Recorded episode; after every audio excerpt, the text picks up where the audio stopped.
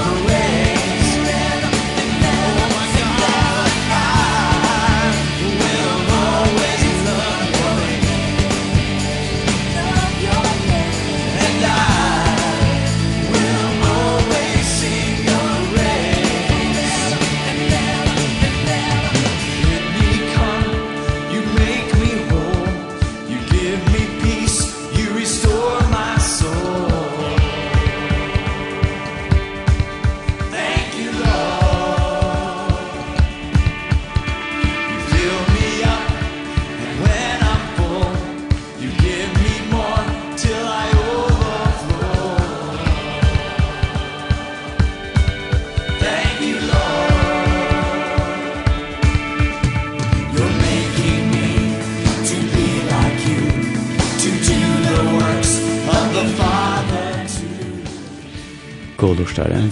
Vi gleder oss med at vi er sammen vidt her, til som er til heima etter Åttalandet og lortet etter sendingen online. Vi undrar et noen bøn og prat. Vi er hjertelig velkommen til denne beinleis sending.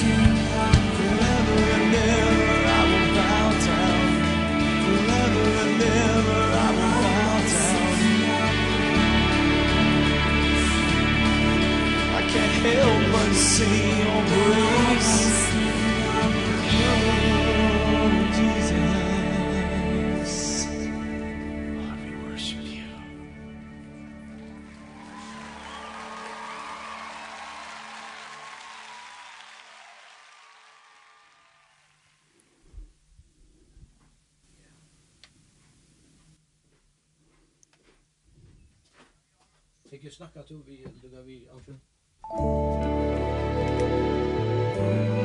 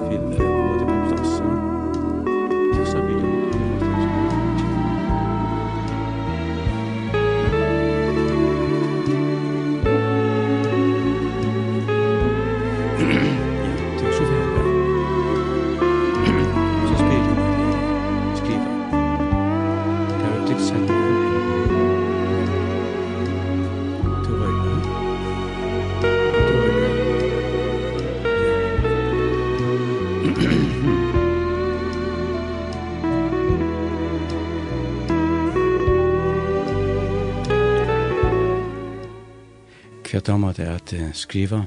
Men damer vel å skriva. Og, og i min arbeid så tæts det nekk vi å skriva. Og det er ikke vi mye tekster. Det er jo glede og husorg. Da man skriver hva det skriver ut fra det sjølven eller om ånder. Da jeg skriver så har vi nekka å komme vi en, en båtskap. Og Og jeg skriver eisne nekv om ånder i, i munnen arbeid, da jeg skal halda en atelo. Og det kan være sinter avbjøvande, da det er jo nekka personligt som man skal bære fram. Tek du så det lusrønda vi eisne?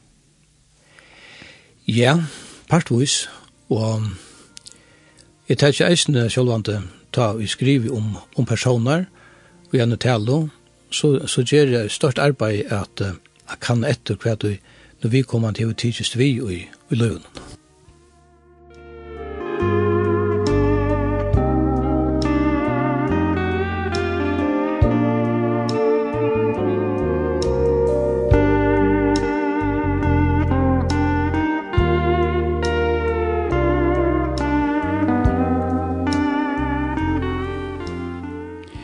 Gjester okkar han bor i Sostreim. Han er sånne familjerøtter i Sostreim, Estrøy og Havnon og Sorøy. Han, han sa daglig arbeid gjør at han hever nek samskifte vi folk. Hans utryv, det er og å skriva. Her du vimfolk som er uttalanda som du ikke skulle øyra sende ja, ring til deg, sier jeg kunne lort av netenon, trotjafnadobe.lintin.fo, og fer til Linden Beinleis av netnum. Det er bi vi öttet hamon bønne enn som kommer innjøknen sendisjan.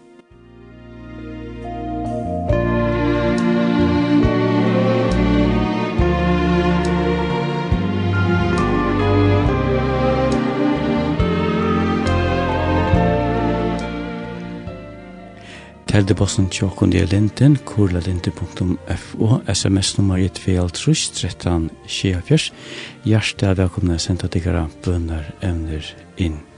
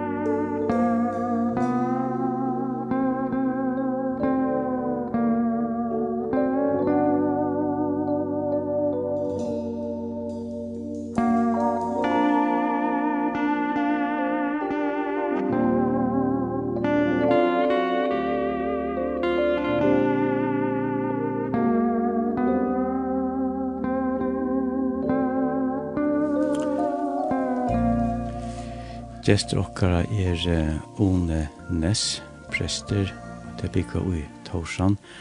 One, hjertelig er velkommen til sendet, ja. Takk for det. Ta man tåsar om navnet Ness, hva kommer det fra, One? Ja, Ness, det kommer ur Kvalpa, ur Nes i Kvalpa.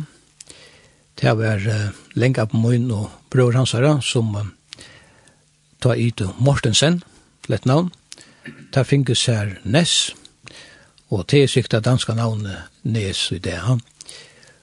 Og det var jo sånn ek som ta kallas Mortensen, så tar valde så at få seg et navn, Ness, stjernavn Nes i Kvalpa.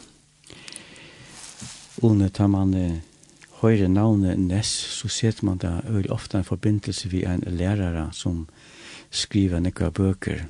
Han var jo papdøyen. Ja, det er rett. Han er Johannes Andreas Ness.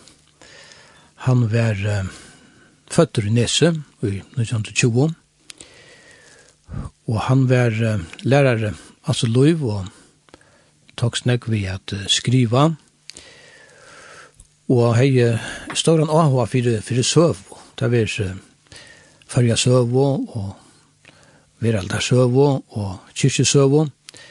Han var... Uh, jo lærere og, og, og leise nekv etter at, at sier fra. Og så var det ikke minst Attarsøva som han uh, var utrolig og hun var ui. Og helt fra, fra ungen og æren så, så savna jeg han uh, i museumman som la og ikke nekv, nekv var. Og ikke før han kanskje at han nådde etterlønaralder, eller gjørs pensjonister, så får han at Uh, er kjip alt det her som han har sauna saman. Han fikk eit uh, lengt liv. Det var onton nekver gåer det er. Han hena gåa helso. Så han får fra som embed som nudstrush var gammal. Tøy han var lærer i Falkaskolen og langt iver 40 år. Og ta for han alvar at uh, skriva. Han hei skriva nekver man undan. Ist og Men uh, da fikk han bedre tog, og halka seg til som la hun av hjertet. Og han fikk avrykka nok så fitt, og han får igjen fra åkken. Og i 2008. Hvor gammel var det? Da var han nesten blitt 8-5 år. Han var 25, han døde i juli, og i 18, har jeg fyllt år i september. Så det er nekva takka for det, at uh, da man kommer en så høyene alder, at man kan varveita helsene, og, og, og, og bruka det som man nå enda for finne, og, og nå kan vi sitte og få gavan avgava av tog som han vil lete i rundt. Den ene bogen som han lete i hånden, har meg fortalt at jeg har samband med en, en båt som uh, reak inn mot Lytteldøymene. Ja, altså, i uh, bogen av Lutteldom som kom ut i, i 16, 2016, her hever han uh, jo sauna alt tilfæri om, om ødna, som Kvalbenga sier. Og her er nekvar gåar og avhaverdar fragreiningar. og jeg har ångte sagt så lest jeg synder og kjemti at uh, det er utrolig at man kan skriva en så stora bok og man ødj her ønsken bor. Ja. Men som vi alle vet, så er ikke kunne, altså her er ikke byggvant til men her er rukt uh, fuglaløyv, og en ganger nekko gav seier, og, og kvalbingar heva røkt ødna, ødles i ørn, så han tar kjept ødna sinne. Og her er nekva sånne søver, ja, som du viser til, og om folk som var li i ødne, då i teier stranda i her, og og det er bare at få altså fædre bøkene og, og lese om disse her og hva vært om fragrengene som, som er om øtene, ja. Og nå var det nekka vi til at han som 14 år gammel trånke begynte at det sanna samme tilfell. Ja, altså jeg halte at han hever um, alltid haft det av hva fire søvå som nevnte Janne. Og han hever um, allt det lusta välhalt i efter efter äldre feltje, sitter ju under åren som man säger och laxar i djeima, och så hör han nästan jag har läst skriva notater, och och allt detta hever han så gömt jag när ærene, och som jag nämnde så, så hör han finnes tog nu efter att han får fra som lärare att jeg samskiper ett tillfälle och, få det ut i bok. Une, hva er den opprone? Ja, altså, min opprone er at uh, jeg er, uh, jeg er født i Vajen. Jeg er født i Vajen, nå kjenner jeg alt 13. februar. Jeg er nå 24 år. Og her bor jeg min, min første baden her. Og i 1936 hendte jeg et så størst skifte, kan jeg si, og, og løvene kommer og min syskjøn. Jeg vil flytte til havner. Ta i papen og finne et arbeid i Østen innenfor det som tar kallais landskola fyretidingen. Og så nøytist at familjen har flytta. Og pap min han der, sagt, kvalpingur, mamma min hun var atta ur sumpa. Og ja, jeg har uh, røtter eisen i landen hun til amma min, mor at hun var atta ur uh, Sørvei. Ur Loabø i Sørvei. Sørvei så lenka mamma i, i feir at hon var at ur Saltnese. Så at uh, familjan Saltnese er jo stor. Um, det var så leis at uh, lenka mamma Elisabeth, hon flytte til Valbjerg, at tjena tja, bare sønnen som het fru Pedersen. Og um, mamma min, Sumpa, hon flytte så til Sorgjer at arbeid i fiske, som sånn ekvar kvinner gjør det ta, sammen vi tveimann systeren kjasser. Så at um, familien er, er, er stor, det som heter Petersen og Saltnisse og Haraldsen, vestan, vi var vant til, til alt, mellom min familie. Og um, vi flyttet til havnar i, i, i 36, og ja, det var et størst skifte, og å komme av bygd til, til, til havnar. Og altså, alle har vi okkara, okkara dreymar her i, i, i Løyvenon, og Nå nevnte vi til Jan at uh, papi har skrivet nek, og han gav veisne at uh, ikke gass han ut for nekon herra, så han så gjerne det var 84 til lærer deg. Og døtter okkara, uh, Løyv, hon hever gjort noen lø til, til leser her eh, sangenar, og det er ikke kansanen som eitur uh, Kjeldufær. Og her er ein uh, sanger som vi hugsa kunne kanskje spalt, han eitur Alufsins Dreimalai. Og det første verset til jo er, Ein vattlare i ere og lufsins dreimalai, fire mer sigiklar, et vøkult avskai. Og jeg husker om at her vi ei vattlare til hvordan nega som jeg har mest i løven som er at, at jeg har vært.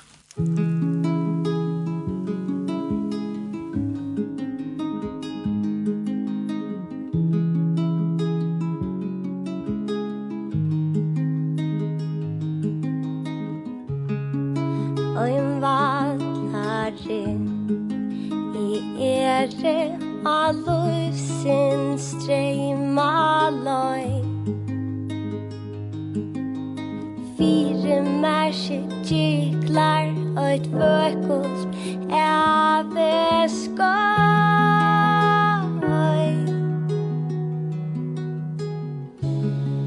E fyrra just som badne Så vøkron tangon ui. Kjente ikkje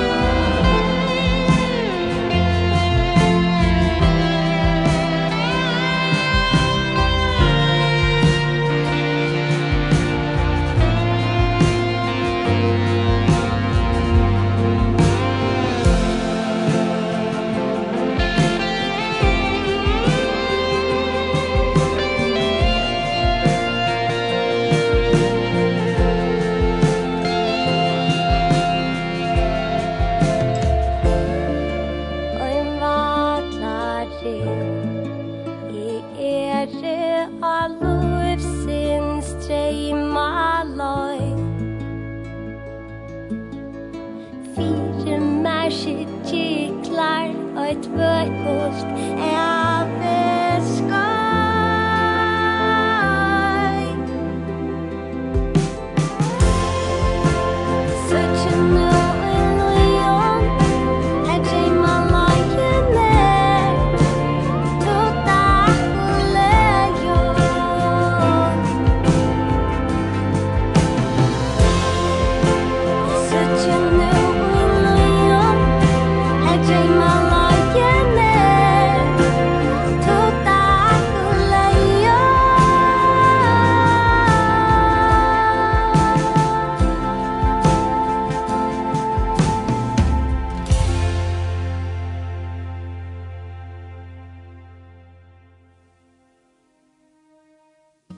Gjester okkar er um, One Ness. Han og familjan bygg i Torsan. Ja, men nå hørte vi akkurat uh, den her Alusens Dreimalai, og det er en sanko som papen hever yrst, og døtteren Louis Sinkur. Og det er så at vi uh, folk uh, hever vi uh, at gjøre tonleik og sang, så det er alt nek folk som er knytt at reta. Og jeg så før noe sånn, var det eisne Finn Hansen som hei koro tangentar og Trønder Enne, han spalde eisne gittar, Ramas gittar, og Ein Olse var eisne vi gittara, og Rekve og Rekve trommor, og Jakob Zakarias som spalde stilgittara. Og nå tar du tåsa om vattlere, hva måtte vi det? Ja, jeg kommer og hukse med det her at uh, i løyvene som er sånn, hevur det verið hevur det verið nek skiftandi tøyarskai frá tøy at det for var som som hadrangur og fram til hendan det og ta ger jo nekka vi ein ta ta ta ein og og jøkn at løve og eh te te er tøyarskai som kunna vera sintur trupel kom jøknum Bär ju i arbeid, og kanskje eisne som familiemauer, da man skal at atter fram. Men uh, jeg vil si at, at uh, det er jo ikke han ble vel. Jeg skal kjøte sjølver. Men uh, nå er det vidt i hekse sommertog, og, um, og det er fjeres folk eisene, sjølten det synder er marka vi ved covid-19 og så er. Men jeg har ho av vita om vi skulle høre et, et leatræt som helsar sommertogene. Det gode tøyvid er i løtene, og her er vi også om salmen Velkommen sommertogen. Og tann uh, salmeren, han er jo sånne bøysene, og det er av fløvene sal 2, som uh, kringvarpet gav ut.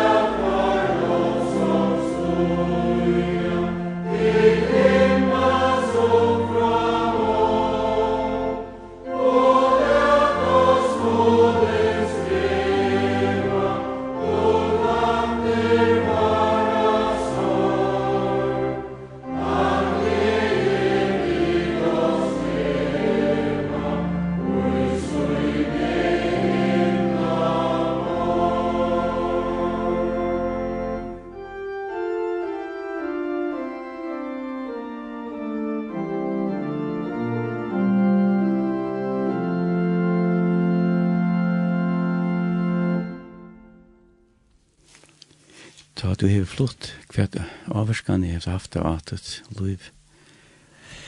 Ja, det sier seg selv at da man så leis flyter rundt i, i, i miskontorskajen løven og sånn, så setter, setter sånne spår, og det er salmer som vi akkurat sunko, velkommen som Artoyen, er en som har tegt det, en, en, en salmer som, som vi brukar nek i, i Hesen døven, alle stedene, kring om i kyrkjennom, og Det er nekka som viser av at uh, løyve er verdt av livet, og som solmeren han uh, greier fra natturene, og jeg kan si at, at her, her som jeg har vært, her er natturen eisende vært fantastisk, uh, og det er et som, uh, som jeg husker om, uh, jeg var uh, først enn at prester her i, i Havn, for uh, nekken år siden, og så kom jeg til Vestmannar, at virka som prester i, i åtte år, og så flott til Foklafjærar, og her var jeg i 20 år, og nå er kom jeg til her til Havnar, og her er nå i, i 11 år. Det er å si at det er man kommer rundt til, til Imes død, og til Imes menneske, og det er uh, ser og har vært at, at møte uh, føringen kring om okkar land, og bæg i, i, i sånne starve, eller starven som prester, og, og, og annars at, at, at hittast vi, vi folk. Og det gjør til at man teker nekk tilsyn, som uh, hever størst vire, og, og at jeg kan bytja uh, mitt liv og av røynter som, som, som folk har gjort, og, og takket av vimmer, og hava det i min arbeid, da jeg nå skal virka som prester. Det er godt grundar det. Og nå er det at det er ofte ist om, om det steg her vi bikva et land vi, vi hava bo, og nu har vi vassnagrar sanger og solmar her kvöld som ta spenna ekvli av. Eh, det er jo gaur solmar, og til reisende eh, nagra sanger, og som vi nevnte da vi prata saman, var sendingen byrja jeg til helt fra eh, Elvis Presley til Kim Larsen og Torsna og Mannskov. Så det som jeg husker om i løtene, det er en, en sanger til, til Kim Larsen som, som er vært nok så opptidsen av en av tog. Det er en her sanger som heter Forklet som voksen. Og hesen sankeren, han, han snur seg om å komme atter og et sted her som han egnet for hei ver, til dem som innenfor her man vokser opp, eller hei arbeid. Og det har vi huksa ofte om at, at er det at uh, du er stå en sted, så flyter du, så kommer du atter, og heldur til at det skal være akkurat så som det er verdt at du komst. Og det er det bare ikke. Og, og det er noe som hesten sangren snur seg om, og som jeg heldur vidt uh, kunne hørst. Forklet som voksen til Kim Larsen.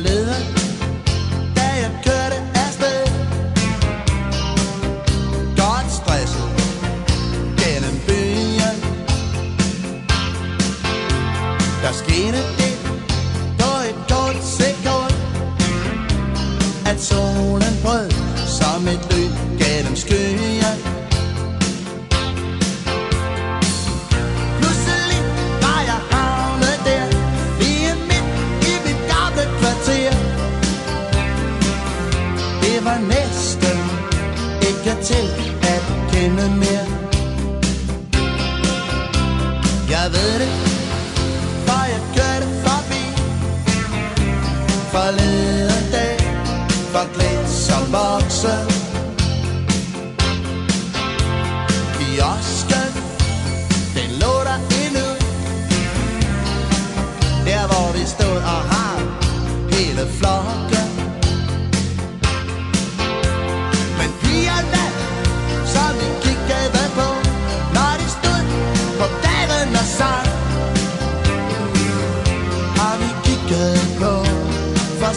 just a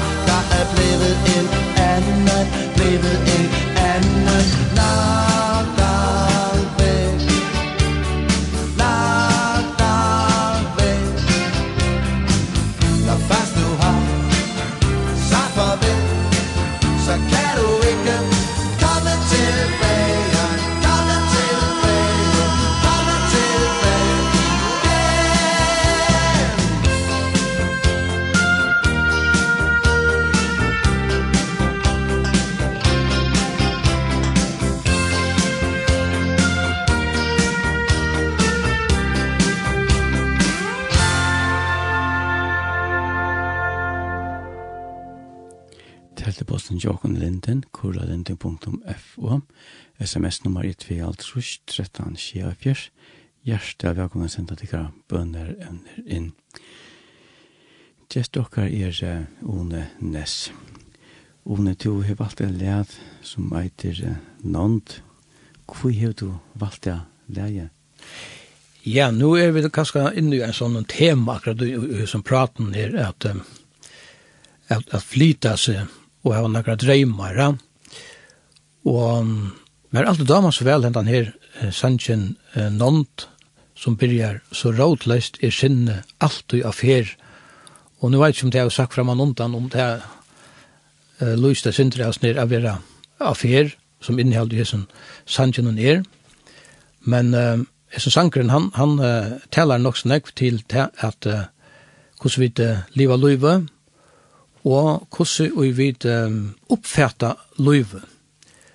Og, og så nærster han vi noe vi skifte som, som uh, her vi, vi lukkar som gjør opp vi, vi ok, okken selv. Og da han sier, ter tidsjer at loivi er tjejeligt grått. Hvem er det at du saknar hvor fatla vi fått. Ta aldri du under til kvult eller fri, fast åndsja grekva vi tøyna li. Og så er det her, fer innar i stovuna om hon er trong, og lurta hon synker en stittlandsong, Hon romar ta neka som to legger ui, her vanta best her, at du varnast ui. Det er just det her at varnast ta goa som er, og ikkje stæra seg på at det blinda som, som, som ikkje er. Og så tar han sier tan etnan til homar om blanande fjöll, hvor sier hon finst ei ui heima høll. Tu åtti ei frileis og leik, leita så fjerst, men lærst deg at elska te som du sarst. Det som ligger fremme fyrir, elska det som du sutja. Jeg alltid hadde som sangren er Sera Innjalsryker. Det er Thomas Mikael Smith som hever, hever tuttan og lagt han til rettes. Jeg vet ikke akkurat hvor Irstan, men jeg halte til en norme som heter Arne Åsen. Og jeg husker at, uh, at vi kunne høre han.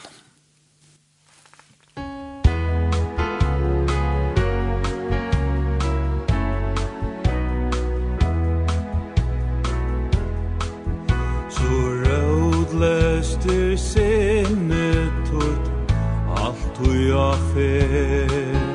Ja tidje som gløymer Du viren her. Du drøymer Du heldur Om fjarskoten land. En sotja ta vekra Som er ruinan. Der tidje sa gløymer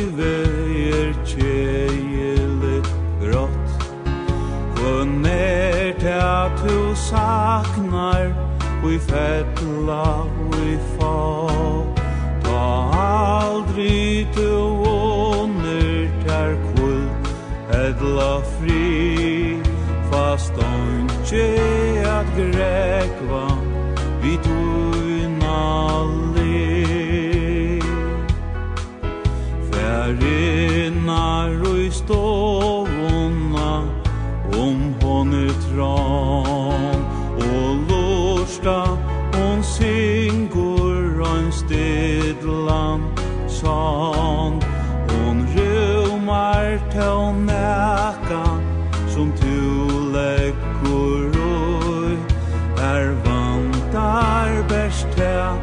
at du varnast tår Dan etnan du haumar om landande fjör Hvor sigur hon finst oi oi oi ma hørt Du åtte oi frileisur Leita så fjarst te at elska det som du sa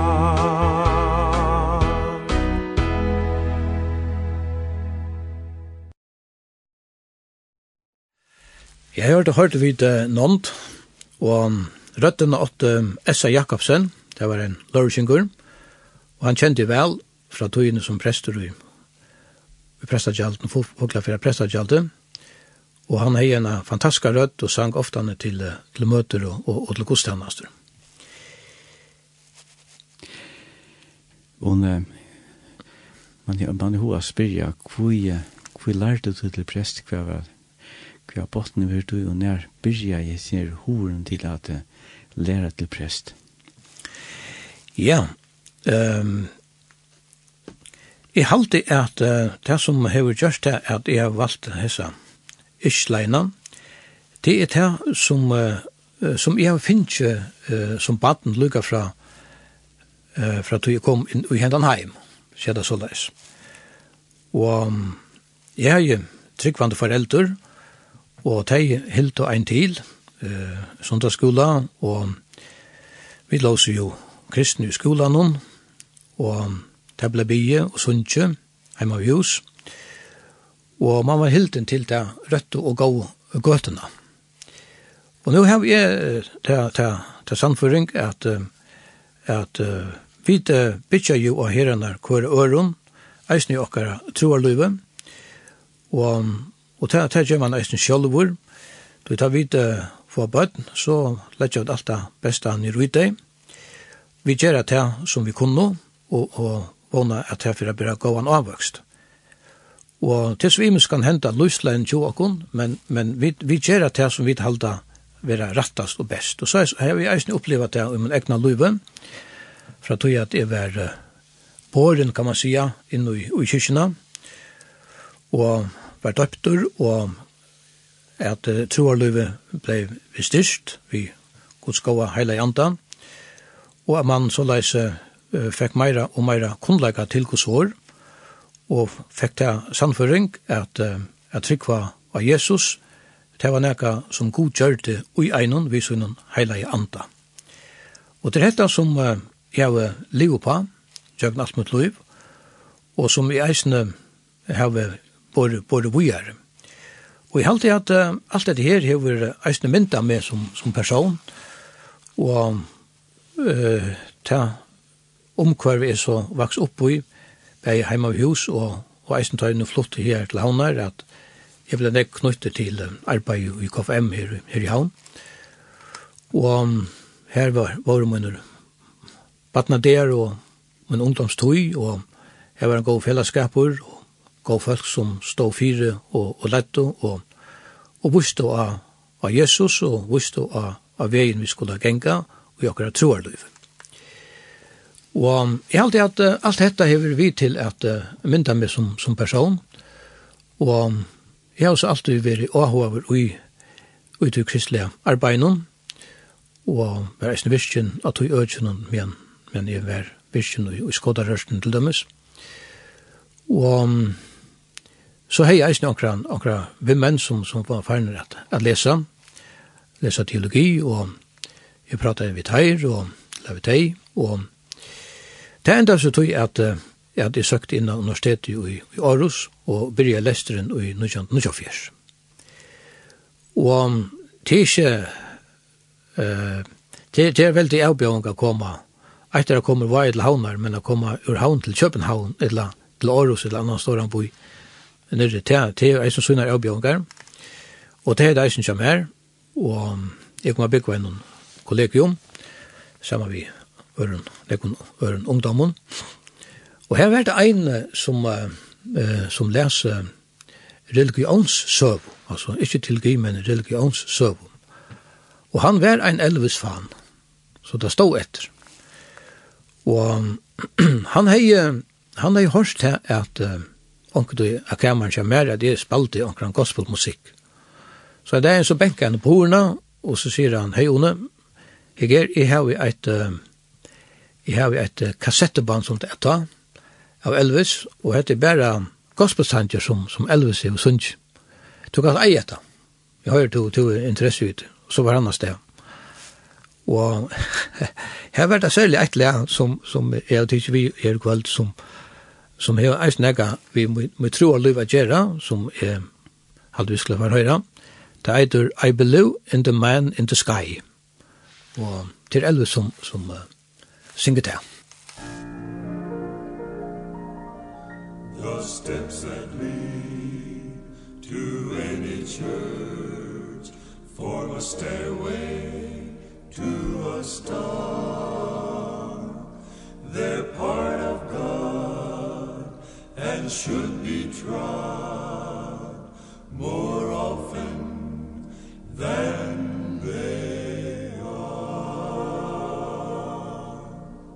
I believe in the man in the sky. The man in the sky I believe with his help I'll get by. His help I'll get by My footsteps may falter My eyes may grow dim But he's my Gibraltar I'm trusting in him. Though a sparrow is all I may be. He is all I may be. On me he will still keep an eye.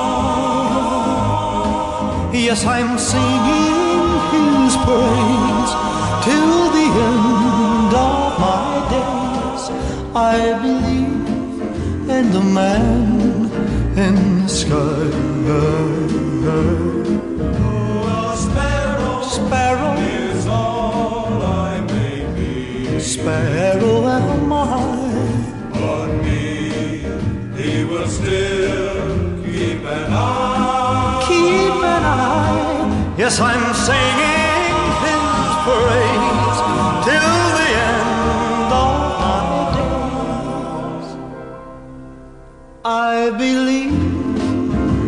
man in the sky. Man in the sky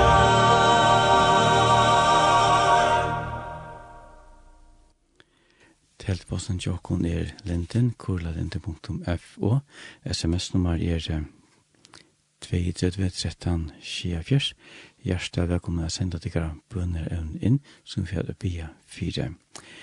Gjester okkara til er One Ness Une, kvært setur du hakt, ser du hakt som, som prester og i den daglige arbeidet? Ja. Det høgste halvtid man kan sette seg uh, som mål og i, og i arbeidet som prester, det er at, at man er kattlet til en oppgave som er at boa Jesus Kristus som krossfestan og oppristnan, som er deg for okkara synder, og som vi sunn oppreist har vi givet okkon et evigt liv og en evig vågen. Og jeg halte at uh, alt det som fylgjer i kjallavaren av hese båtskapen, det taler så til okkon om at virka uh, som menneske for okkar nasta.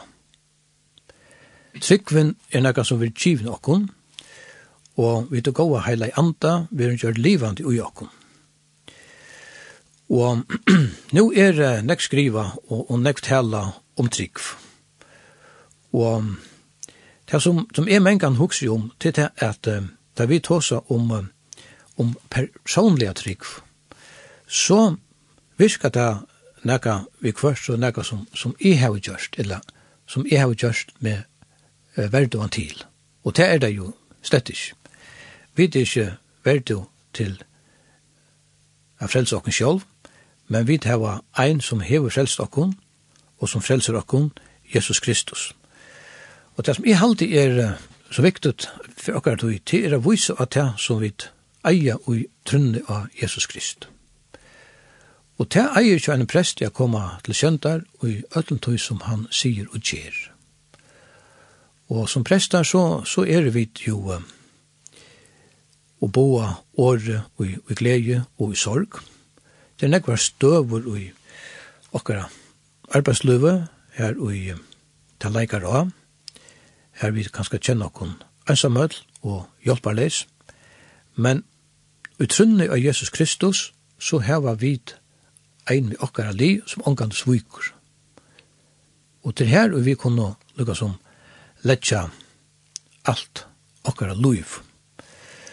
Og jeg husker ofte om dette at uh, da det var sagt at uh, at det er ikke de frusko som har bruk for lakna, men de som sjuker.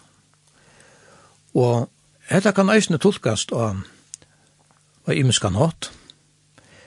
Tog uh, vid, uh, jeg husker meg at jeg takka tvei, tvei brått ur Romarabraun og, og vise av nemlig hetta hvordan står en tøytning til hever tjåkon. Og om at det er å være og å være, være veikur. Og vi skal lese noen ørende ur, ur kapittel 14 og ur kapittel 15 ur Ravenbraun. Her stendur um, såleis. Ein kjer mun av døvun, annar meter atlar det er lykar, ein og kvar verle fullnar sannførtur i sin egna hova. Tan som djevus sér fær om degin gjør det for herranon, og tan som etur gjør det for herranon, til at han takkar gode, og tan som ikkje etur gjør det for herranon, og takkar gode.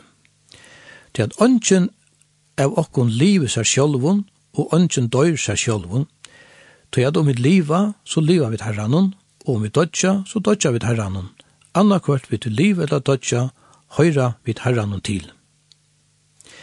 Til til tess døye Kristus og var livande attur at han skulle være herre, bæge iver deion og livande. Men to, hvor dømer to brauer tuin, eller to, hvor vannvir to brauer tuin, til at vi skulle atle færa fram fyrir hos domstol. Til skriva stendur, så satt som i livet, sier Herren, for mer skal kvart knæ bøtja seg, og hver tunga skal lova gode så skal ta ein og hver okkara gjøre god roktskap for sjálvan seg. Og så vi er vi sagt i, i kapittel 15, men vi som er stersker eier at bera veikleikene til at mått luttlo, og ikkje gjør okkon sjálvan til vildar. Ein og hver okkara gjør nasta sunn til vildar og i tog som godt er til oppbyggingar. Til Kristus gjør ikkje heldur seg sjálvan til vildar, men som skriva stendur, «Ha år tarra som hoa te er fatten av meg». Tøy at alt det som over er skriva, er skriva okkund lærdoms, for vi skulle hava vogn okkara av det tålmåvi og tar okkan som skriften er djeva. Og det er just dette at uh, vi lever ikke for oss sjølve, vi lever for Kristus. Men for å leve for Kristus, så må Kristus være livvante i okkon. Og dette her fer med så at hugsa om, om den, den nasta sannsyn. Og um, det er ein uh, sankur som uh, Steingrum Niklasen hever ist. Steingrum Niklasen, han var eisne dekner i Vestekirken i mange år. Han var skolastjore, han var lærere. Og um, han dotte sera vel at, at istja, Og vi tar noen gode salmer av hun i salmerbøysene, som det blir brukter. Men i hese fløvene, tja, Gunnar Justinsen og Øren, her hever han en sang som eitur av løyvunnen løyte til lærte. Og hesen salmen er sera innhalsryker og, og snur seg om just dette samme som vi leser ur Romer Braun. Og her sier han, Av løyven ønske du lærte, om løtu av tinten og stå, men hau meg ikkje nastan som nirre og fjørene vau. Og til just det her, som alltid er avbjørn til okkon, tryggvante menneskjon, ja, jeg sier det bare ut, det nyttar ikkje sier at jeg har Jesus i hjertan, hvis jeg sier hjelpe nastan som her, som nere i fjørene våg. Og tog er et en fantastisk perla vi teva fra Steingrumme, og han enda vi snåren, men lærte til løyve at rekva, vi nasta noen streim herra sjekv. Ta kanst av sonnen til sida, at løyve til lærte til nekv. Og til just det her, at nær er vi vi nasta noen ut til streim herra sjånen. Det kunne spyrja okkur sjálfum. Og til her og i kristentik okkar skal komme til kjentar er ratta nastan en, en hånd. Av luivun lyte til lærdi, eitir sangren. Av luivun lyte til lærdi, om ikkje til lærdi ta, nastan un hånd er ratta, Haren han bønande bæ Av luiven om luite tu skilte. Om tu ta i sol fer i kav. Onki av ötlund her omtist Nei, stata nastan un gav. Tar til luive at rekva. Vi nastan om streim herrans kjekv Ta kanst av sånn tu sia. At luive ta det til nekv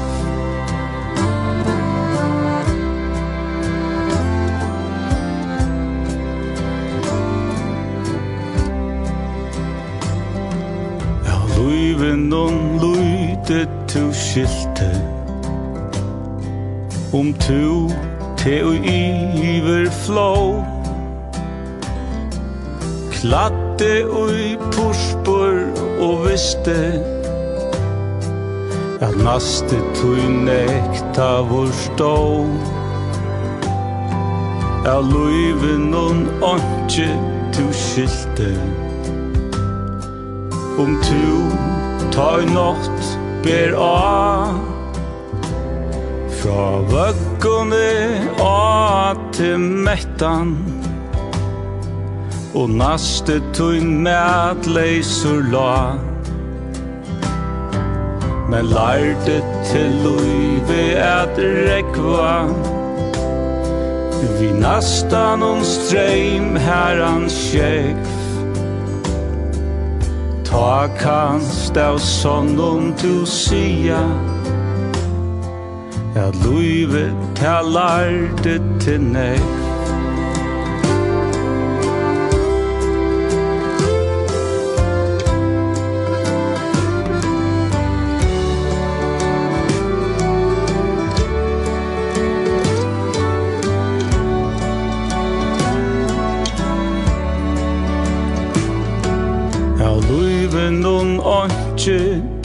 hjerte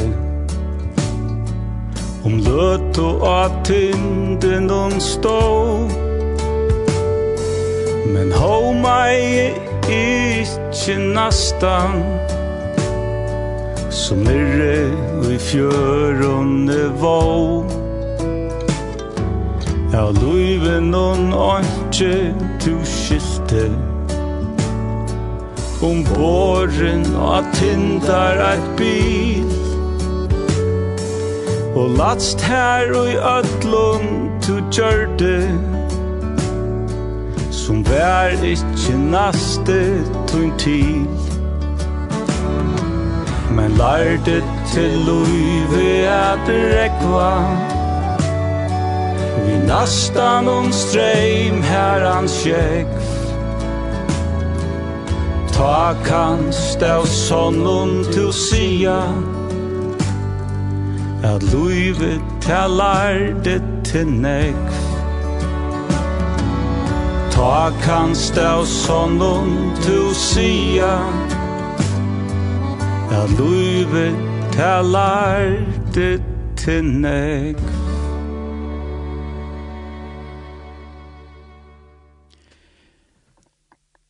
Teldeposten til åkken er linden, kurlalenden.fo, sms-nummer i 2.13, 24. Hjertelig er velkommen å sende deg bønner evnen inn som vi er for vidt for at bia fire. Gjester dere er Ole Ness, han og familien Bikko i Torsang. Ole, er det særlig løter som du opplever som prester?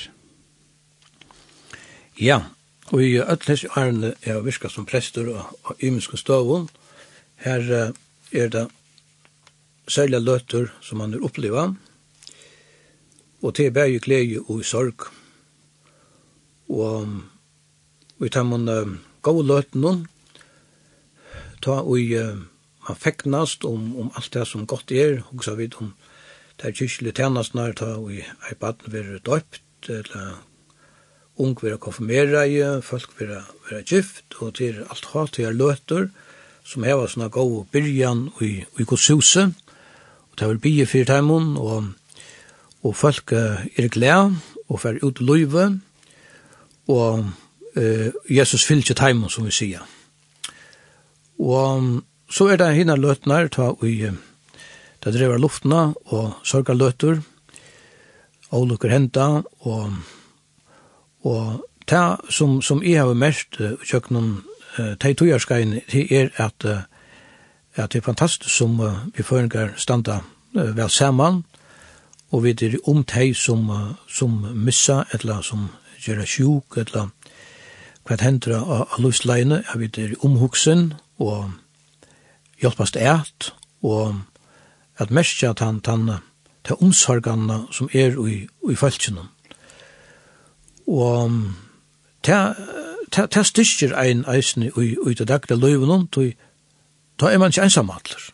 Man hever ein verndarger og ein bønar ring rundt an seg, og folk er i omein.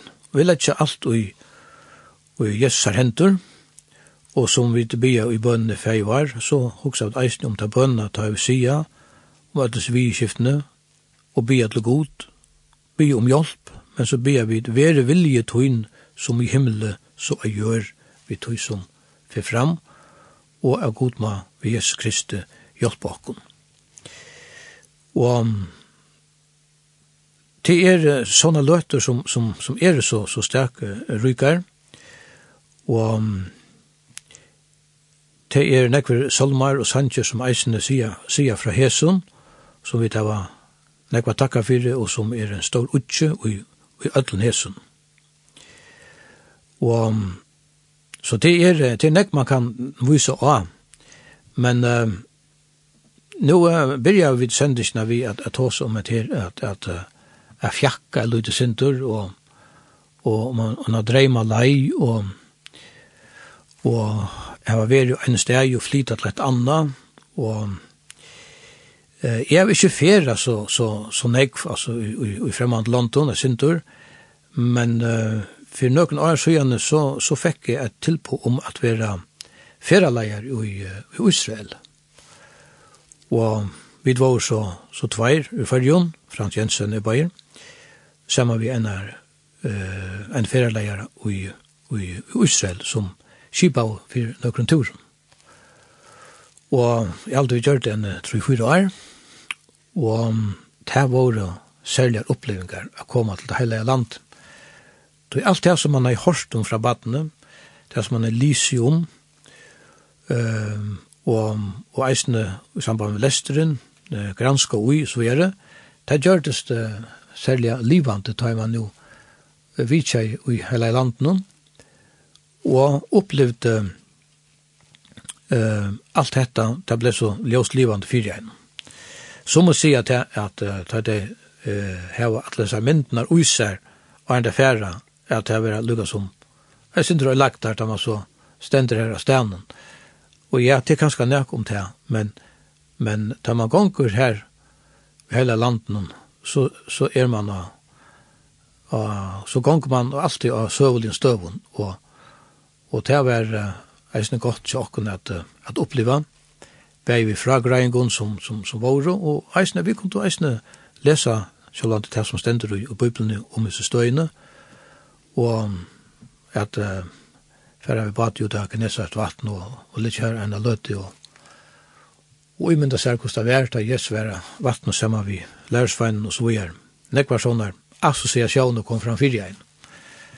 Og så det er særlig en oppleving hei, Og det var hver affær i, i fjerdeleggen gjør det til. Da vi, vi fjerdes ofte først når i Israel, og så for langt Soverlandet, og så tar vi kom og nian til Jerusalem, som man sier, på i ligger jo nek høgt. Så hei uh, fjerdeleggen, den israelske uh, fjerdeleggen, alltid en særlig sang som hon leie av flåna, eller flån, flåspillere. Og Det her, jeg held at det var det første kvöldet vi kom, og ta, ta var mot, mot kvöldet, og solen var via fra nyer, og, og skein eh, i atlan bojen, og vi så oss lukka som inn i bojen. Og ta eh, spalt jo den her eh, sannsyn, um, som heter The Holy City, om Jerusalem, og jeg held vidt eh, for høyre han. Han er sindur pompøser, men ein fantastisk flottur sangur.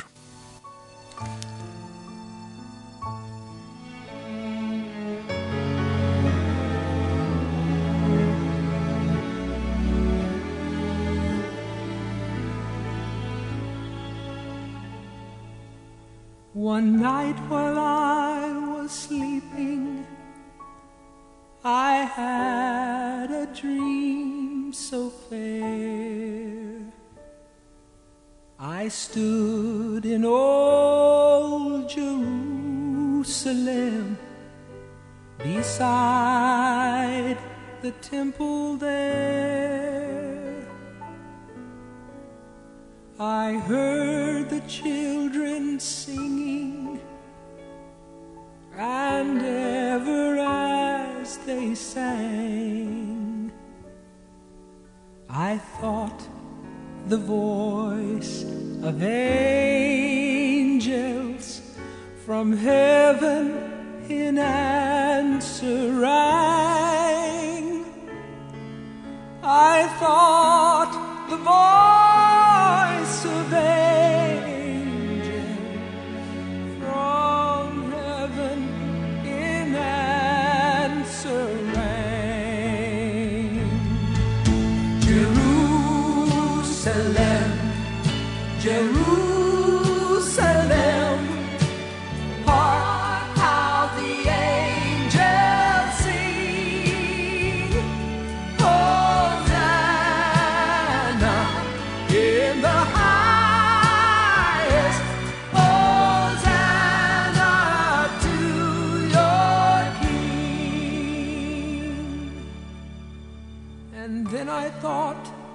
my dream was changed. The streets no longer rang. As with the glad hosannas that the little children sang. The sun grew dark with mystery and the morn was cold and chilled as the shadow of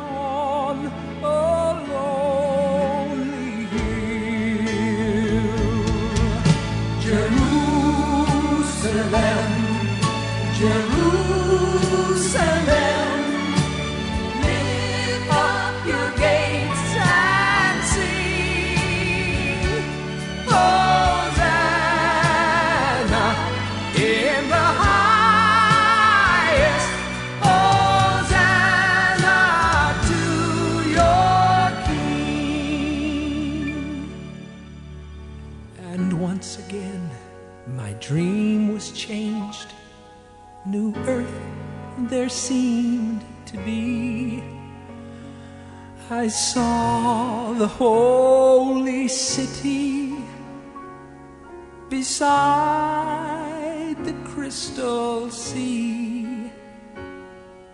The light of god was on its streets and the gates they were open wide that all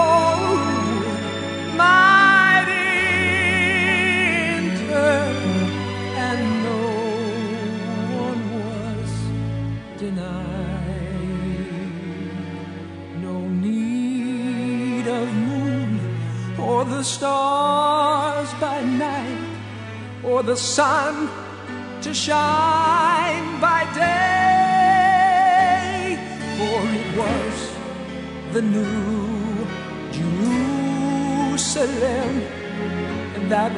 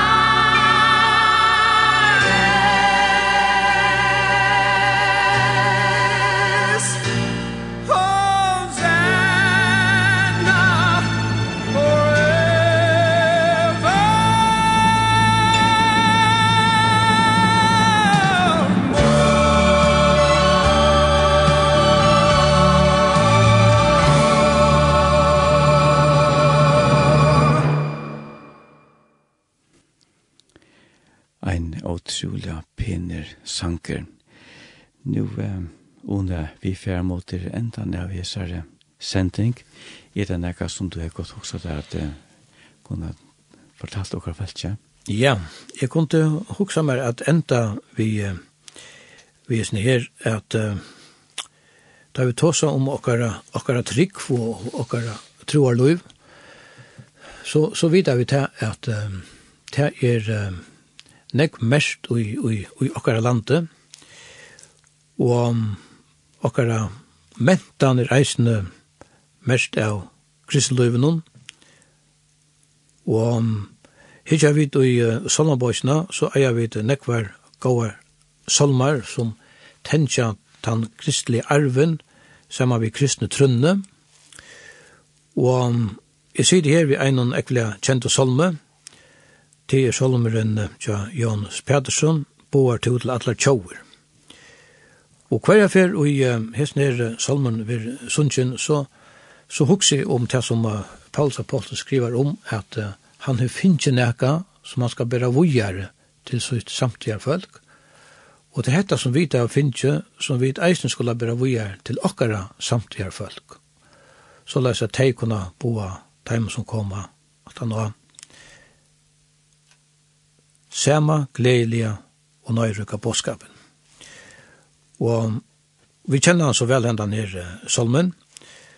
og uh, han uh, er jo yster over, over uh, fjorda på æreskalte feit under mågertina, alt det som, som ligger ut hui, og um, det er eisen min, min helsan til, til okkara folk, at, at hendan arven som vi tar finnkjøm, det vil Jeg er som en bønn ønske, at han vil båren vågjere til kom han Atterli, og salmen endar vi snir, gå åren om nu nutjar ølter loja, halt og som og lei var starv, at vi ikkje leta svuja, dona løyse til hin arv, som vi ert og fetren av. Ta skal lyfte som du gav, atlan altur fyrjon tritja, føringonon her at bytjan.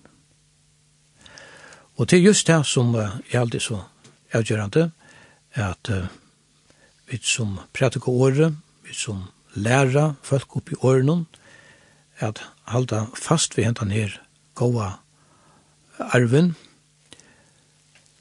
og at uh, vi halda fast vi, uh, som det stendur, slekter, fotno og ter unko, etkjente se som ein bølg og held fast vi fetra mål.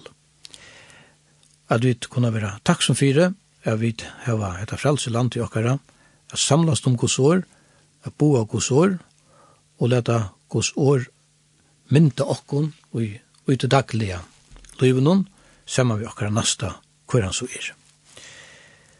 Og til er hesen solmeren eit godt døm om at vi kunne standa saman om hetta og vera takksom fyrir alt det som vi tava finnes, til likams og til salar.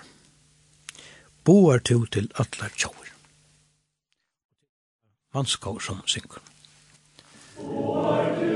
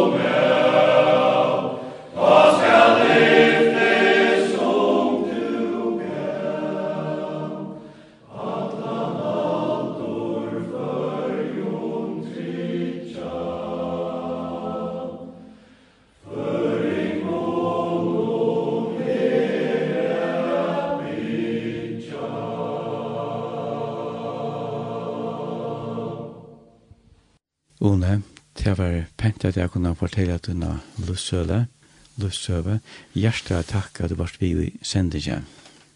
Sjølv takk, og god sykning i ut arbeid som tid eisen kjære her i Linden. Takk for det,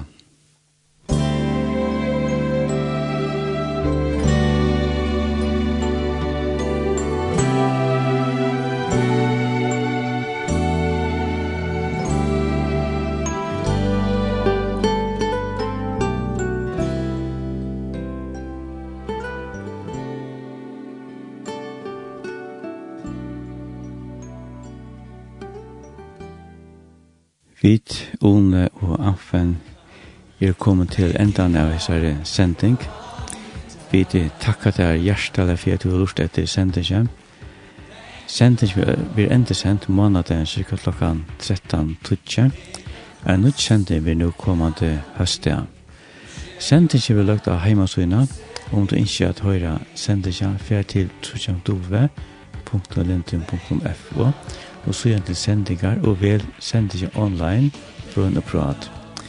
Vittingsja her, og tog inn noen godsrøyk og sikning framover. Hevda så hjertans godt all som vel.